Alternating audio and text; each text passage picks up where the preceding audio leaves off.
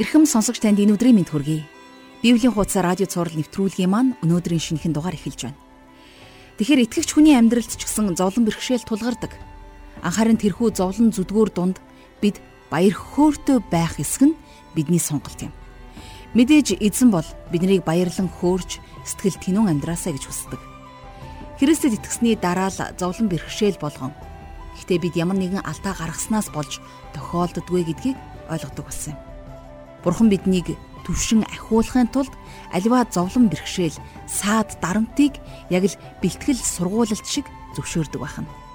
Энэ талаар Илч Петр өнөөдрийн хичээлээр бидэнд хэлж заах болно. Хэдийгээр зовлон гэдэг тийм ч хүсээд байх зүйл биш ч гэсэн.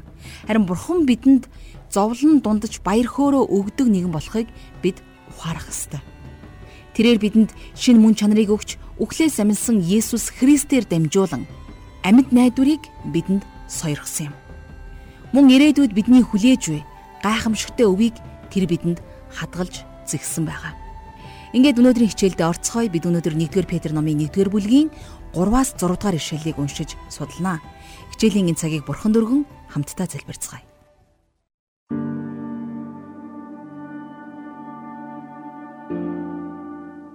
Өөзөн бурхан минь таны агуу гайхамшигтай хүч чадал болон таны гайхамшигт нэгүсэлд талархал магтаалыг өргөн залбирч байна. Үнэхээр өнөөдрийн хичээлээр дамжуулан та бид бүхэнд таны дотор буй тэрхүү нэгүсэл баяр хөөргийг ойлгуулж мэдрүүлж өгөөрэй. Хичээлийн энэ цагийн эхнээс нь дуустал таньдаа өргөж эзэн Есүсийн нэрээр залбирanгуйж байна. Амен. Ингээд хамтдаа жаргалах шийчэлд анхаарлаа хандуулъя. За Петрийн бидэнд бишиж үлдээсэн энэхүү нэгдүгээр захидлын судлалаар бид нар нилээ тогтож ишлэл ишлэлээр ярилцаж байгааг та анзаарсан байгаа. За энэхүү судлал хичээлээр та үнэхээр ивэлийг мэдэрч байгаа хаа гэж би найдаж байна. За ингээд хамтдаа өнөөдөр номынхон 1-р бүлгийн 3-аас 4-р ишлэлээр хичээлээ эхлүүлье. Эзэн Есүс Христийн маань бурхан ба эцэг магтагдах болтугай. Учир нь Бурхан өөрийн агуу өршөөлөөр үхэгсдээс амилсан Есүс Христийн амиллаар биднийг амьд найдвар өд мөхөшгүй бузартаагүй алга болчихгүй бөгөөд та нарын төлөө тэнгэрт хадгалагдсан өв өд дахин төрүүлсэн. За үнэхээр дахин дахин уншаад байхаар ийм амттай ишлэлүүдийг Петр өөрийнхөө загтлалд бичиж үлдээсэн байдаг. За энд гарч байгаа магтагдах болтугай гэж Хилэгдэж байгаа грек үг бол магтаал ерөөл гэсэн үгнээс гаралтай үг байдаг. За шинэ гэрэн дээр энэ үг хизээч хүнийг магтахад хэрэглэгдэж байгаагүй гэдгийг ойлгоорой. Магтагдах гэсэн яг энэ үгээр хүнийг биш харин бурхныг л магтдаг. Үнэн дээр бурхан бол та бидний эцэг. Өнөөгийн та бидний соёлд эцгүүд хүүхдүүдэд магтаж байхыг бид нар олонтаа сонсдог. Харин хүүн эцгээ магтаж байхыг бид нар тэр болгон сонсдоггүй. А гэхдээ бид нар өөрсдийн Тэнгэрлэг Бурхан эцгээ магтах ёстой. Петр хэлсэн байна эзэн Есүс Христийн маань Бурхан ба эцэг гэж. Бурхан маш юр бусын арга замаар бидний эзэн Есүс Христийн эцэг юм. Эзэн Есүс энэхүү ялгааг яг амилсан өдрийнхөө өглөө нь за Магдалийн Мариад ингэж хэлсэн байна. Би эцэгтэй буюу та нарын эцэгт бурхандаа буюу та нарын бурханд дээш очино.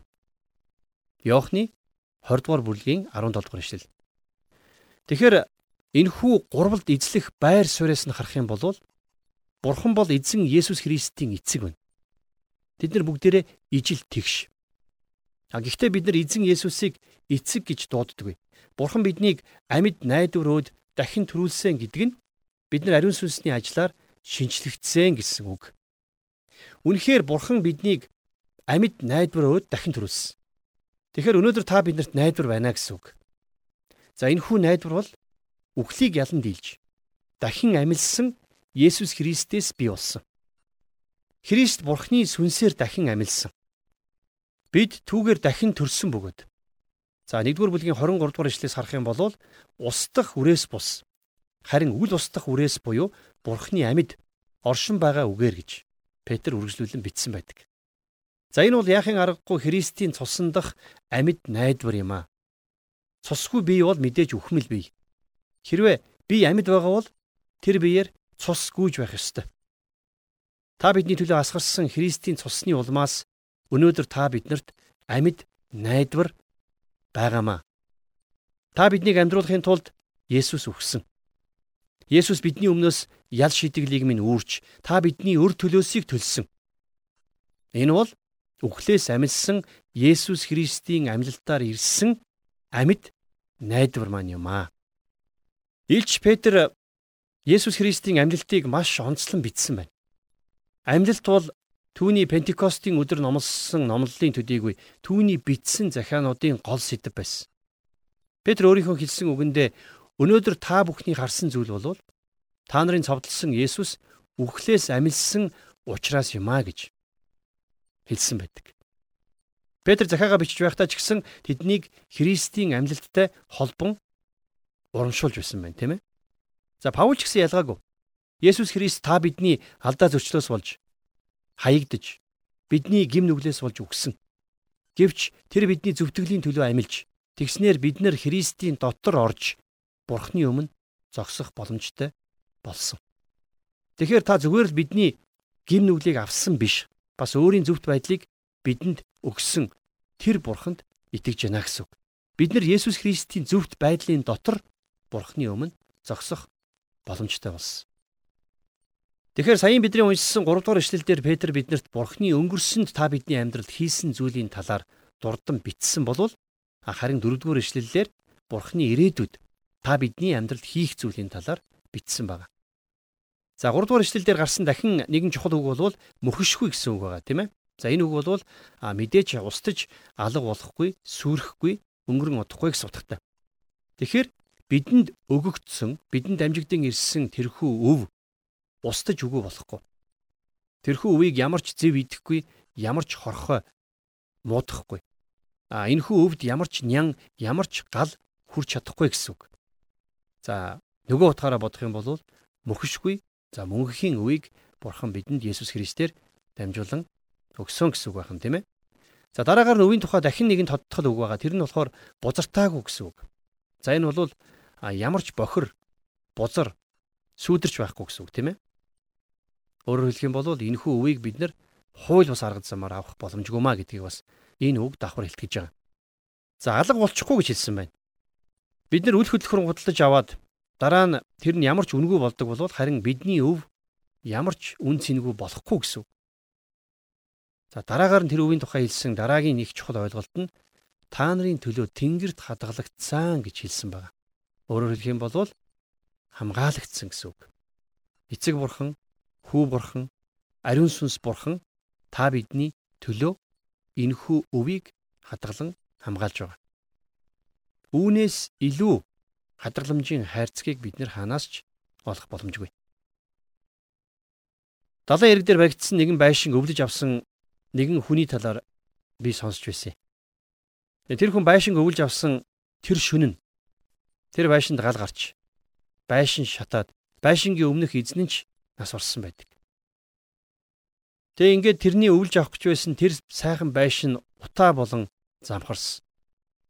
Харин итгэгч хүнийхээ хувьд бол та бидэнд мөхөшгүй, ялзаршгүй, мөнхийн өв байгаа гэдгийг бити мартаарай. Тэр л зүйлийг бид нэр мөнхийн цаг хугацаанд тэсэн ядан хүлээж байгаа. Энэ зүйлийг хэлж байхдаа Петр бодолтой Евдээ итгэгчдийг санан дурсаж байсан байх таа гэж би төсөөлдөг юм. Ягд үг гэвэл тэд нар итгэлээсээ болж хавчигдан зовж байсан. Тэд нар өөрсдийнх нь өв болох газрыг албан хүчээр хайж зүхтахаас өөр аргагүй байдалд орсон байсан. Тэдний эцэг өвгөд Египтээс гарч цөлөөр туулан тэнэж явхдаа Бурхны амлагдсан тэрхүү гайхамшигтай газарт очно гэсэн найдварыг тээж байсан түүх бий.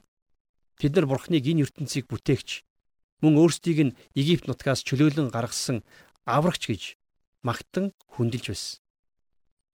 Гисэн ч гисэн Петр итгэгчдэд хандаж мөн өнөөдрийн та бидэнд хандаж Бурхныг бидний аврагч эзэн Есүс Христийн эцэг гэж магтан хүндлээрэ гэж захиж байна.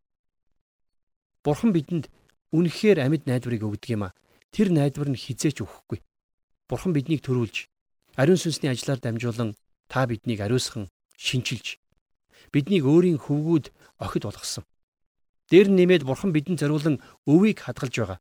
Тэр өв нь энэ дэлхийд байгаа юм биш. Харин Тэнгэрт бидэнд зориулагдсан хүлээгдэж байгаа. Тэр өв устж алга болохгүй. Ямар ч дайсан тэр бүхнийг биднээс булаан авах боломжгүй. Нэгэн хүн тэрхүү өвийг ингэж дүрслэн илэрхийлсэн байдаг юм а. Бид үргэлж шин байх болно. Энэ нь хизээч гандан өгөршгүй. Шүн гэж огт байхгүй. Үргэлж өдөр байна. Хизээч хуучиршгүй тэр газрыг бодоход үгээр илэрхийлэхийн аргагүй баяр хөөр зүрхэнд минь бэлхнаа гэж. Яг л онж битсэн байна. Харамсалтай нь өнөөдөр бид нар ирээдүйд бидний хүлээж байгаа тэр гайхамшигтай зүйл рүү тэмүүлэн өөрийн харааг чиглүүлэхээ болсон юм шиг надад санагдах юм. 5 дугаар ишлэлдэр Петр эцсийн үед илчлэгдэхэд бэлэн байгаа авралын төлөө та нар итгэлээрээ бурхны хүчээр хамгаалагдсан ажээ. За бурхны хүчээр хамгаалагдсан гэж Петр хэлсэн байгаа биз? За хамгаалагдсан гэдэг энэ үг магадгүй хамгийн гайхамшигтай үгсийн нэг ч байж болох юм. Нэгэн ир өөрийнхөө булшин дээр хамгаалагдсан гэдэг энэ үгийг бичүүлэхийг хүссэн байдаг. Тэр хүн эцсийн үед илчлэгдэхэд бэлэн байгаа авралын төлөө итгэлээрээ бурхны хүчээр хамгаалагдсан гэдгээ илэрхийлэхийн тулд өөрийнхөө булшин дээр ингэж бичээрэй гэж гэрээсэлсэн гэдгээ. Бич Паул ч гэсэн бас яг ийм ижил зүйлийг Филиппо хотынд бичсэн загталтаа хэлсэн байдаг. Та нарт сайн үлийг эхлүүлсэн тэрээр үүнийг Христ Есүсийн өдрийг хүртэл төгс болгоно гэдэгт би бат итгэж байна гэж. Филиппо 1:6. Бурхан таныг хамгаалж чадна гэж та итгэж байна уу? Би махан биеийн дагуух зүйлсийг онцолж байгаа зүйлсээс үнэхээр залхаж байна. Зарим хүн биднийг хідэн дөрөн баримтласнаар хангалттай Христэд итгэгч болж чадна гэж хэлдэг. Тэгээ ийм зүйл ярьж байгаа хүмүүс тэр зүйлдээ хүрч чадсан эсэх нь надад үнэхээр эргэлзээтэй байдаг. Тэгэхээр би танд өнөөдөр нэгэн цочирдуулах үгийг танд хэлчихье. Та Христчин амьдралаар амьдрч чадахгүй гэд. Гэхдээ магадгүй та буруу сонссон байхаа гэж бодож болох юм. Үгүй ээ би яг тэгж хэлсэн. А тэгвэл би танаас бурхан таныг христчин амьдралаар амьдраарай гэсэн ишлэлийг бурхны үгнээс олоод өгөөч ээ гэж хүсмээр байна. Үнэн дээр бурхан хизээж тэгж хэлээгүй. Би хуучин төрлөх мөн чанартай. Мөн тэрхүү мөн чанар маань намайг энэ дэлхийд амьдрах хугацаанд намайг дагалдсаар байх болно. Заримдаа бидний тэр хуучин төрлөх мөн чанар маань ил харагддаг. Ямар ч үед дүрсхийн уралдаг муу зан чанар маань гинт тесэрдэг.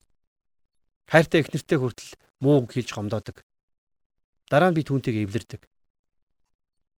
Тэгэхээр бидний хинэн ч гэсэн ямар нэгэн дүрм мөрдснөөр өөрсдийн хуучин төрлөх мөн чанараа өөрчилж чадахгүй. Тэр хуучин төрлөх чанар байсаар л байна. Христчин амьдралаар амьдрч чадах цорын ганц арга зам бол ариун сүнсний хүч чадлаар болон Бурхны хүчээр хамгаалагдсанаар л боломжтой болно. Есүс Христтэй харилцах хувийн харилцаагаар энэ бүхэн 24 7 байх ёстой. За харин 1-р Петрийн 1-р бүлгийн 6-р ишлэл бол энэхүү захидлын түлхүүр ишлэл гэж тооцогддог. Хамтдаа энэхүү ишлэгийг одоо уншийе. Хэдийгээр та нар идүгэ төр зур шаардлагатай бол элдвийн сорилтонд зовсон ч гэсэн үүндээ үлэмж баярлдаг. Итгэгч хүний зовлон зүдүр аюулгүй байдал нь бүх зүйлийг баяр хөөр болгон хувиргаж байна. Жохомхүү энэ бол гурвал бурхны л хийж байгаа ажил. Бидний эцэг бурхан өршөөлөөрөө та биднийг дахин төрүүлсэн. Тэр бидэнд шинэ мөн чанарыг өгч, үхлээс амилсан Есүс Христээр дамжуулан амьд найдварыг бидэнд өгсөн. Тэгээд ирээдүйд биднийг хүлээж байгаа гайхамшигтай тэрхүү үеийг бурхан бидэнд хадгалж байгаа. Петр үүндээ үлэмж баярлдгаа гэж хэлсэн байна. Юунд баярлдаг юм бэ? Ямар нэгэн сайн зүйлдүү эсвэл муу зүйл баярлдаг юм биш байгаа. Тийм ээ. Петр хэлэхдээ тэр элдвийн сорилтонд зовсондоо баяртай байна гэж хэлсэн байна. Тэгэхээр энэ дэлхий бол баяр хөөр сорилт зовлон гэсэн хоёр ангиллыг бидэнд хилдэг тийм ээ. Харин Петр бидэнд энэ амьдрал тохиох сорилтын талаарх жинхэнэ сүнслэг тайлбарыг хэлж байна. Тэр юу гэж хэлсэн байв нү гэхээр төр зур гэсэн байгаа биз. Тэгэхээр төр зур гэсэн тэрхүү ойлголтыг мөнх гэсэн ойлголттой харьцуулах юм бол тийм ч урт удаан хугацаа биш шүү дээ. Өнөөдөр бидний амьдралд үн цэнтэй болж байгаа зүйлүүд гэх юм бол заримдаа чуулган руу өөрөө өөртөө туслах, өөрөө өөрийгөө мундаг болгох. За магадгүй материалист үзэл санаа гих мэт янз янзын хачирхалтай зүйлүүд гулсан орж байна. Бид нар өөрсдийгөө бүх талаараа бүрэн хөгжүүлэх ёстой гэж үздэг. Хэрвээ бидэнд асуудал тулгарх юм бол Христ итгэлд маань ямарваа нэгэн асуудал байна гэж бид нар боддог. Үнэн дээр өнөөдөр сүм цуглаандах нөхцөл байдал яг л ийм байна шүү дээ. Тэгэхээр өнөөдөр бид нар өөрсдөө рүүгээ харахын оронд харин агуу бурхан руу мөн нэгэн өдөр бид нар хүлээж авах тэрхүү гайхамшигт ирээдүй болсон өврүүгээ бид нар харах ёстой. Бид нар өөрсдийн махан биеийн дагуу өөрсдийн хуучин мөн чанараа өөрчлөх гэж өөрсдөө хичээхэ болох хэрэгтэй. Бид өөрсдийгөө өөрчилж чадахгүй. Харин биднийг Бурханд өөрчилнө. Бурхан л та биднийг Христ итгэлийн амьдрал дах төлөвшөлт рүү дууддаг. Бурхан л биднийг тэрхүү төлөвшөлт рүү аваачдаг. Бурхны биднийг хөгжүүлэх арга зам нь бол харин сорилт за бас элдвийн зовлон байдаг. Тийм ээ бурхан биднийг элдвийн сорилтуудаар дамжуулан өсгөж байдаг юм аа. Энэ талаар би өмнөх хичээлүүдээр ярьж байсан тийм ээ. За Есүс биднийг айж түгших хэрэггүй гэсэн. Тэр биднийг энэ дэлхийд та нар зовлонтой байх болно. Гэхдээ би ертөнцийг ялсан гэдгийг та нар мэддэг вэ гэж Есүс хэлсэн ба. Еврей номоос харах юм бол бид нар Бурхан биднийг сорилт бэрхшээлүүдээр шалгадгаа гэдгийг бас хамтдаа үзсэн байгаа. Яаковын бичсэн захлаас харах юм бол Бурханаас ирдэг сорилтуудын талаар тэрээр мөн л маш эерэг үр дүнтэйгээр бичсэн байдаг. Паул ч гэсэн зовлонгийн талаар өөрийнхөө сүнслэг тайлбар ойлголтуудыг бидэнд дамжуулан үлдээсэн. За тэгвэл Петр ч гэсэн өнөөдөр адилхан зүйлийг хэлж байна тийм ээ. Хүмүүс өөрсдийн хүчээр агуу зүйлсийг бүтээж хин нэгэн чухал хүн болохыг хүсдэг л. Гэхдээ найзаа Бурхны сүнс бидний зүрхсэтгэл амьдралд хөдөлж эхлэхээс нааш үнэндээ бол бид нар хинч бишээ. Үнэн дээр бурханд өгөөд байх нэг ч зүйл бидэнд байхгүй. Яагаад гэвэл бүх зүйл зөвхөн түүнийх. Бурхан бидэнд нэгүслийнхэн дагуу бүх зүйлийг өгдөг. Тэгэхээр бидэнд тулгарч байгаа сорилтууд төр зургийг гэдгийг бид нэр үргэлж санаж явах хэрэгтэй байхan тийм ээ. За Паул ч гэсэн яг ийм зүйлийг Коринтотынд бичсэн 2 дугаар захидлынхаа 4-ийн 17-оос 18 дугаар ишлэлдэр ингэж бичсэн байна. Учир нь агш нь төдий ялахгүй зовлон бидэнд алдрын мөнхийн жинг үлэмж арвижуулж байна. Бид үзэгдэх юмсыг бас харин үл үзэгдэх юмсыг хардаг. Учир нь үзэгдэх юмс бол цаг зуурынх, харин үл үзэгдэх юмс бол мөнхийх билээ гэж бичсэн байна. Тэгэхэр байна бид нэр гарт баригдаж нүдэнд үзэгдэх зүйлсийг үн цэнтэй гэж үздэг боловч үнэндээ болов биш үү? Тэднэр нь тийм ч их үн цэнтэй юм байдаггүй. Тэдгээр үзэгдэх зүйлсийг мөнхийн зүйлтэй харьцуулах юм бол тэд нар устдаж үгүй болно. Тийм биз дээ. Нүдэнд харагдах тэдгээр зүйлс бүгд нэгэн цагт устдаж үгүй болно шүү дээ. Энэ дэлхий дээр байгаа бүх зүйлс нэгэн өдөр үгүй болох болно. Харин та бидний нүдэнд үл үзэгдэх зүйлс л үнэндээ мөнхийн зүйлс байдаг юм шүү. Тэр л бидний амьдралын жинхэнэ үнцэн байх ёстой. Та өнөөдөр бодоод үзээрэй. Таны гэрт байгаа ий тогшил, идэл чиргэлж байгаа унж, байгаа унаа машинаас илүүтэйгэр таны өөрийнх нь харилцаанд байгаа хайр, хүндлэл, уучлал, итгэл, тайвшрал, амар тайван, баяр баясгал тэр бүхэн таны барьж, үзэж, идэж, идэлж хэргэлдэг зүйлсээс хайвгүй үнэтэй шүү дээ. Тэгвэл өнөөдөр Бурхны та бидний амьдралд зөвшөөрсөн тэрхүү нэгүүлсэл Бурхны амар тайван ямар ч нөхцөл байдал донд бидэнтэй хамт байх Бурхны өөрийнх нь оршихуй. Ариун сүнсний дуусшгүй тэрхүү гайхамшигтай ажлууд бидний амьдралын хамгийн үнцэнтэй зүйлүүд байдаг юм а. Жохомхоо тэрхүү үл үзэгдэх гайхамшигтай үн цэнтэй нэгүүлсэл, уучлал, аврал, өөрчлөлт шин ам амьдралыг өгч бурхан өнөөдөр тантай хамт байж таныг үргэлжлүүлэн өрөөж сахих болтугай.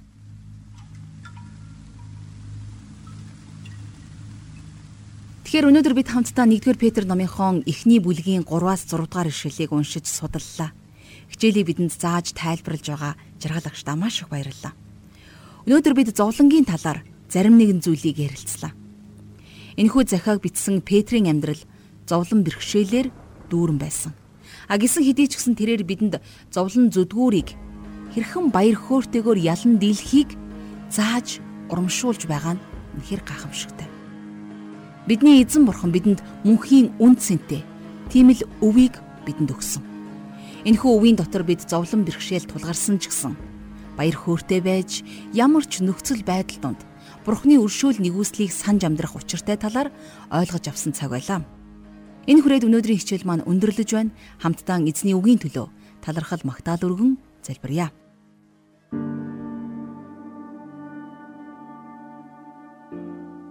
Бидний эзэн Иесус Христийн эцэг мөн бидний хайртай аав минь та бидэнд зовлон бэрхшээлийн дунд ч гэсэн баярлан хөөрөх баяр хөөрөө гээхгүй байх нь ямар их нэгүсэл вэ гэдгийг ойлгуулсанд баярлалаа. Тэгээд та тэрхүү нэгүслээ бидэнд дүүрнээр сойрхсонд таньдаа талархал магтаалыг өргөж байна. Тиймээ таны агуу хайр, таны өршөөл нэгүсэл бүрийн төлөө талархал магтаалыг өргөн залбирч байна. Эзэн бурхан минь бид хүнд хэцүүгийн дунд зөвхөн танд найдаж баяр хөөрөө амар амгалангаа гээхгүй амьдрахад та бидэнд туслаарай. Өнөөдөр авсан ивэл өрөөл бусадтай хуваалцагчд байхад та бидэнтэй хамт байгаарай бүх зүйлийг танд өргөж эзэн Есүсийн нэрээр залбирanгуйж байна. Амен.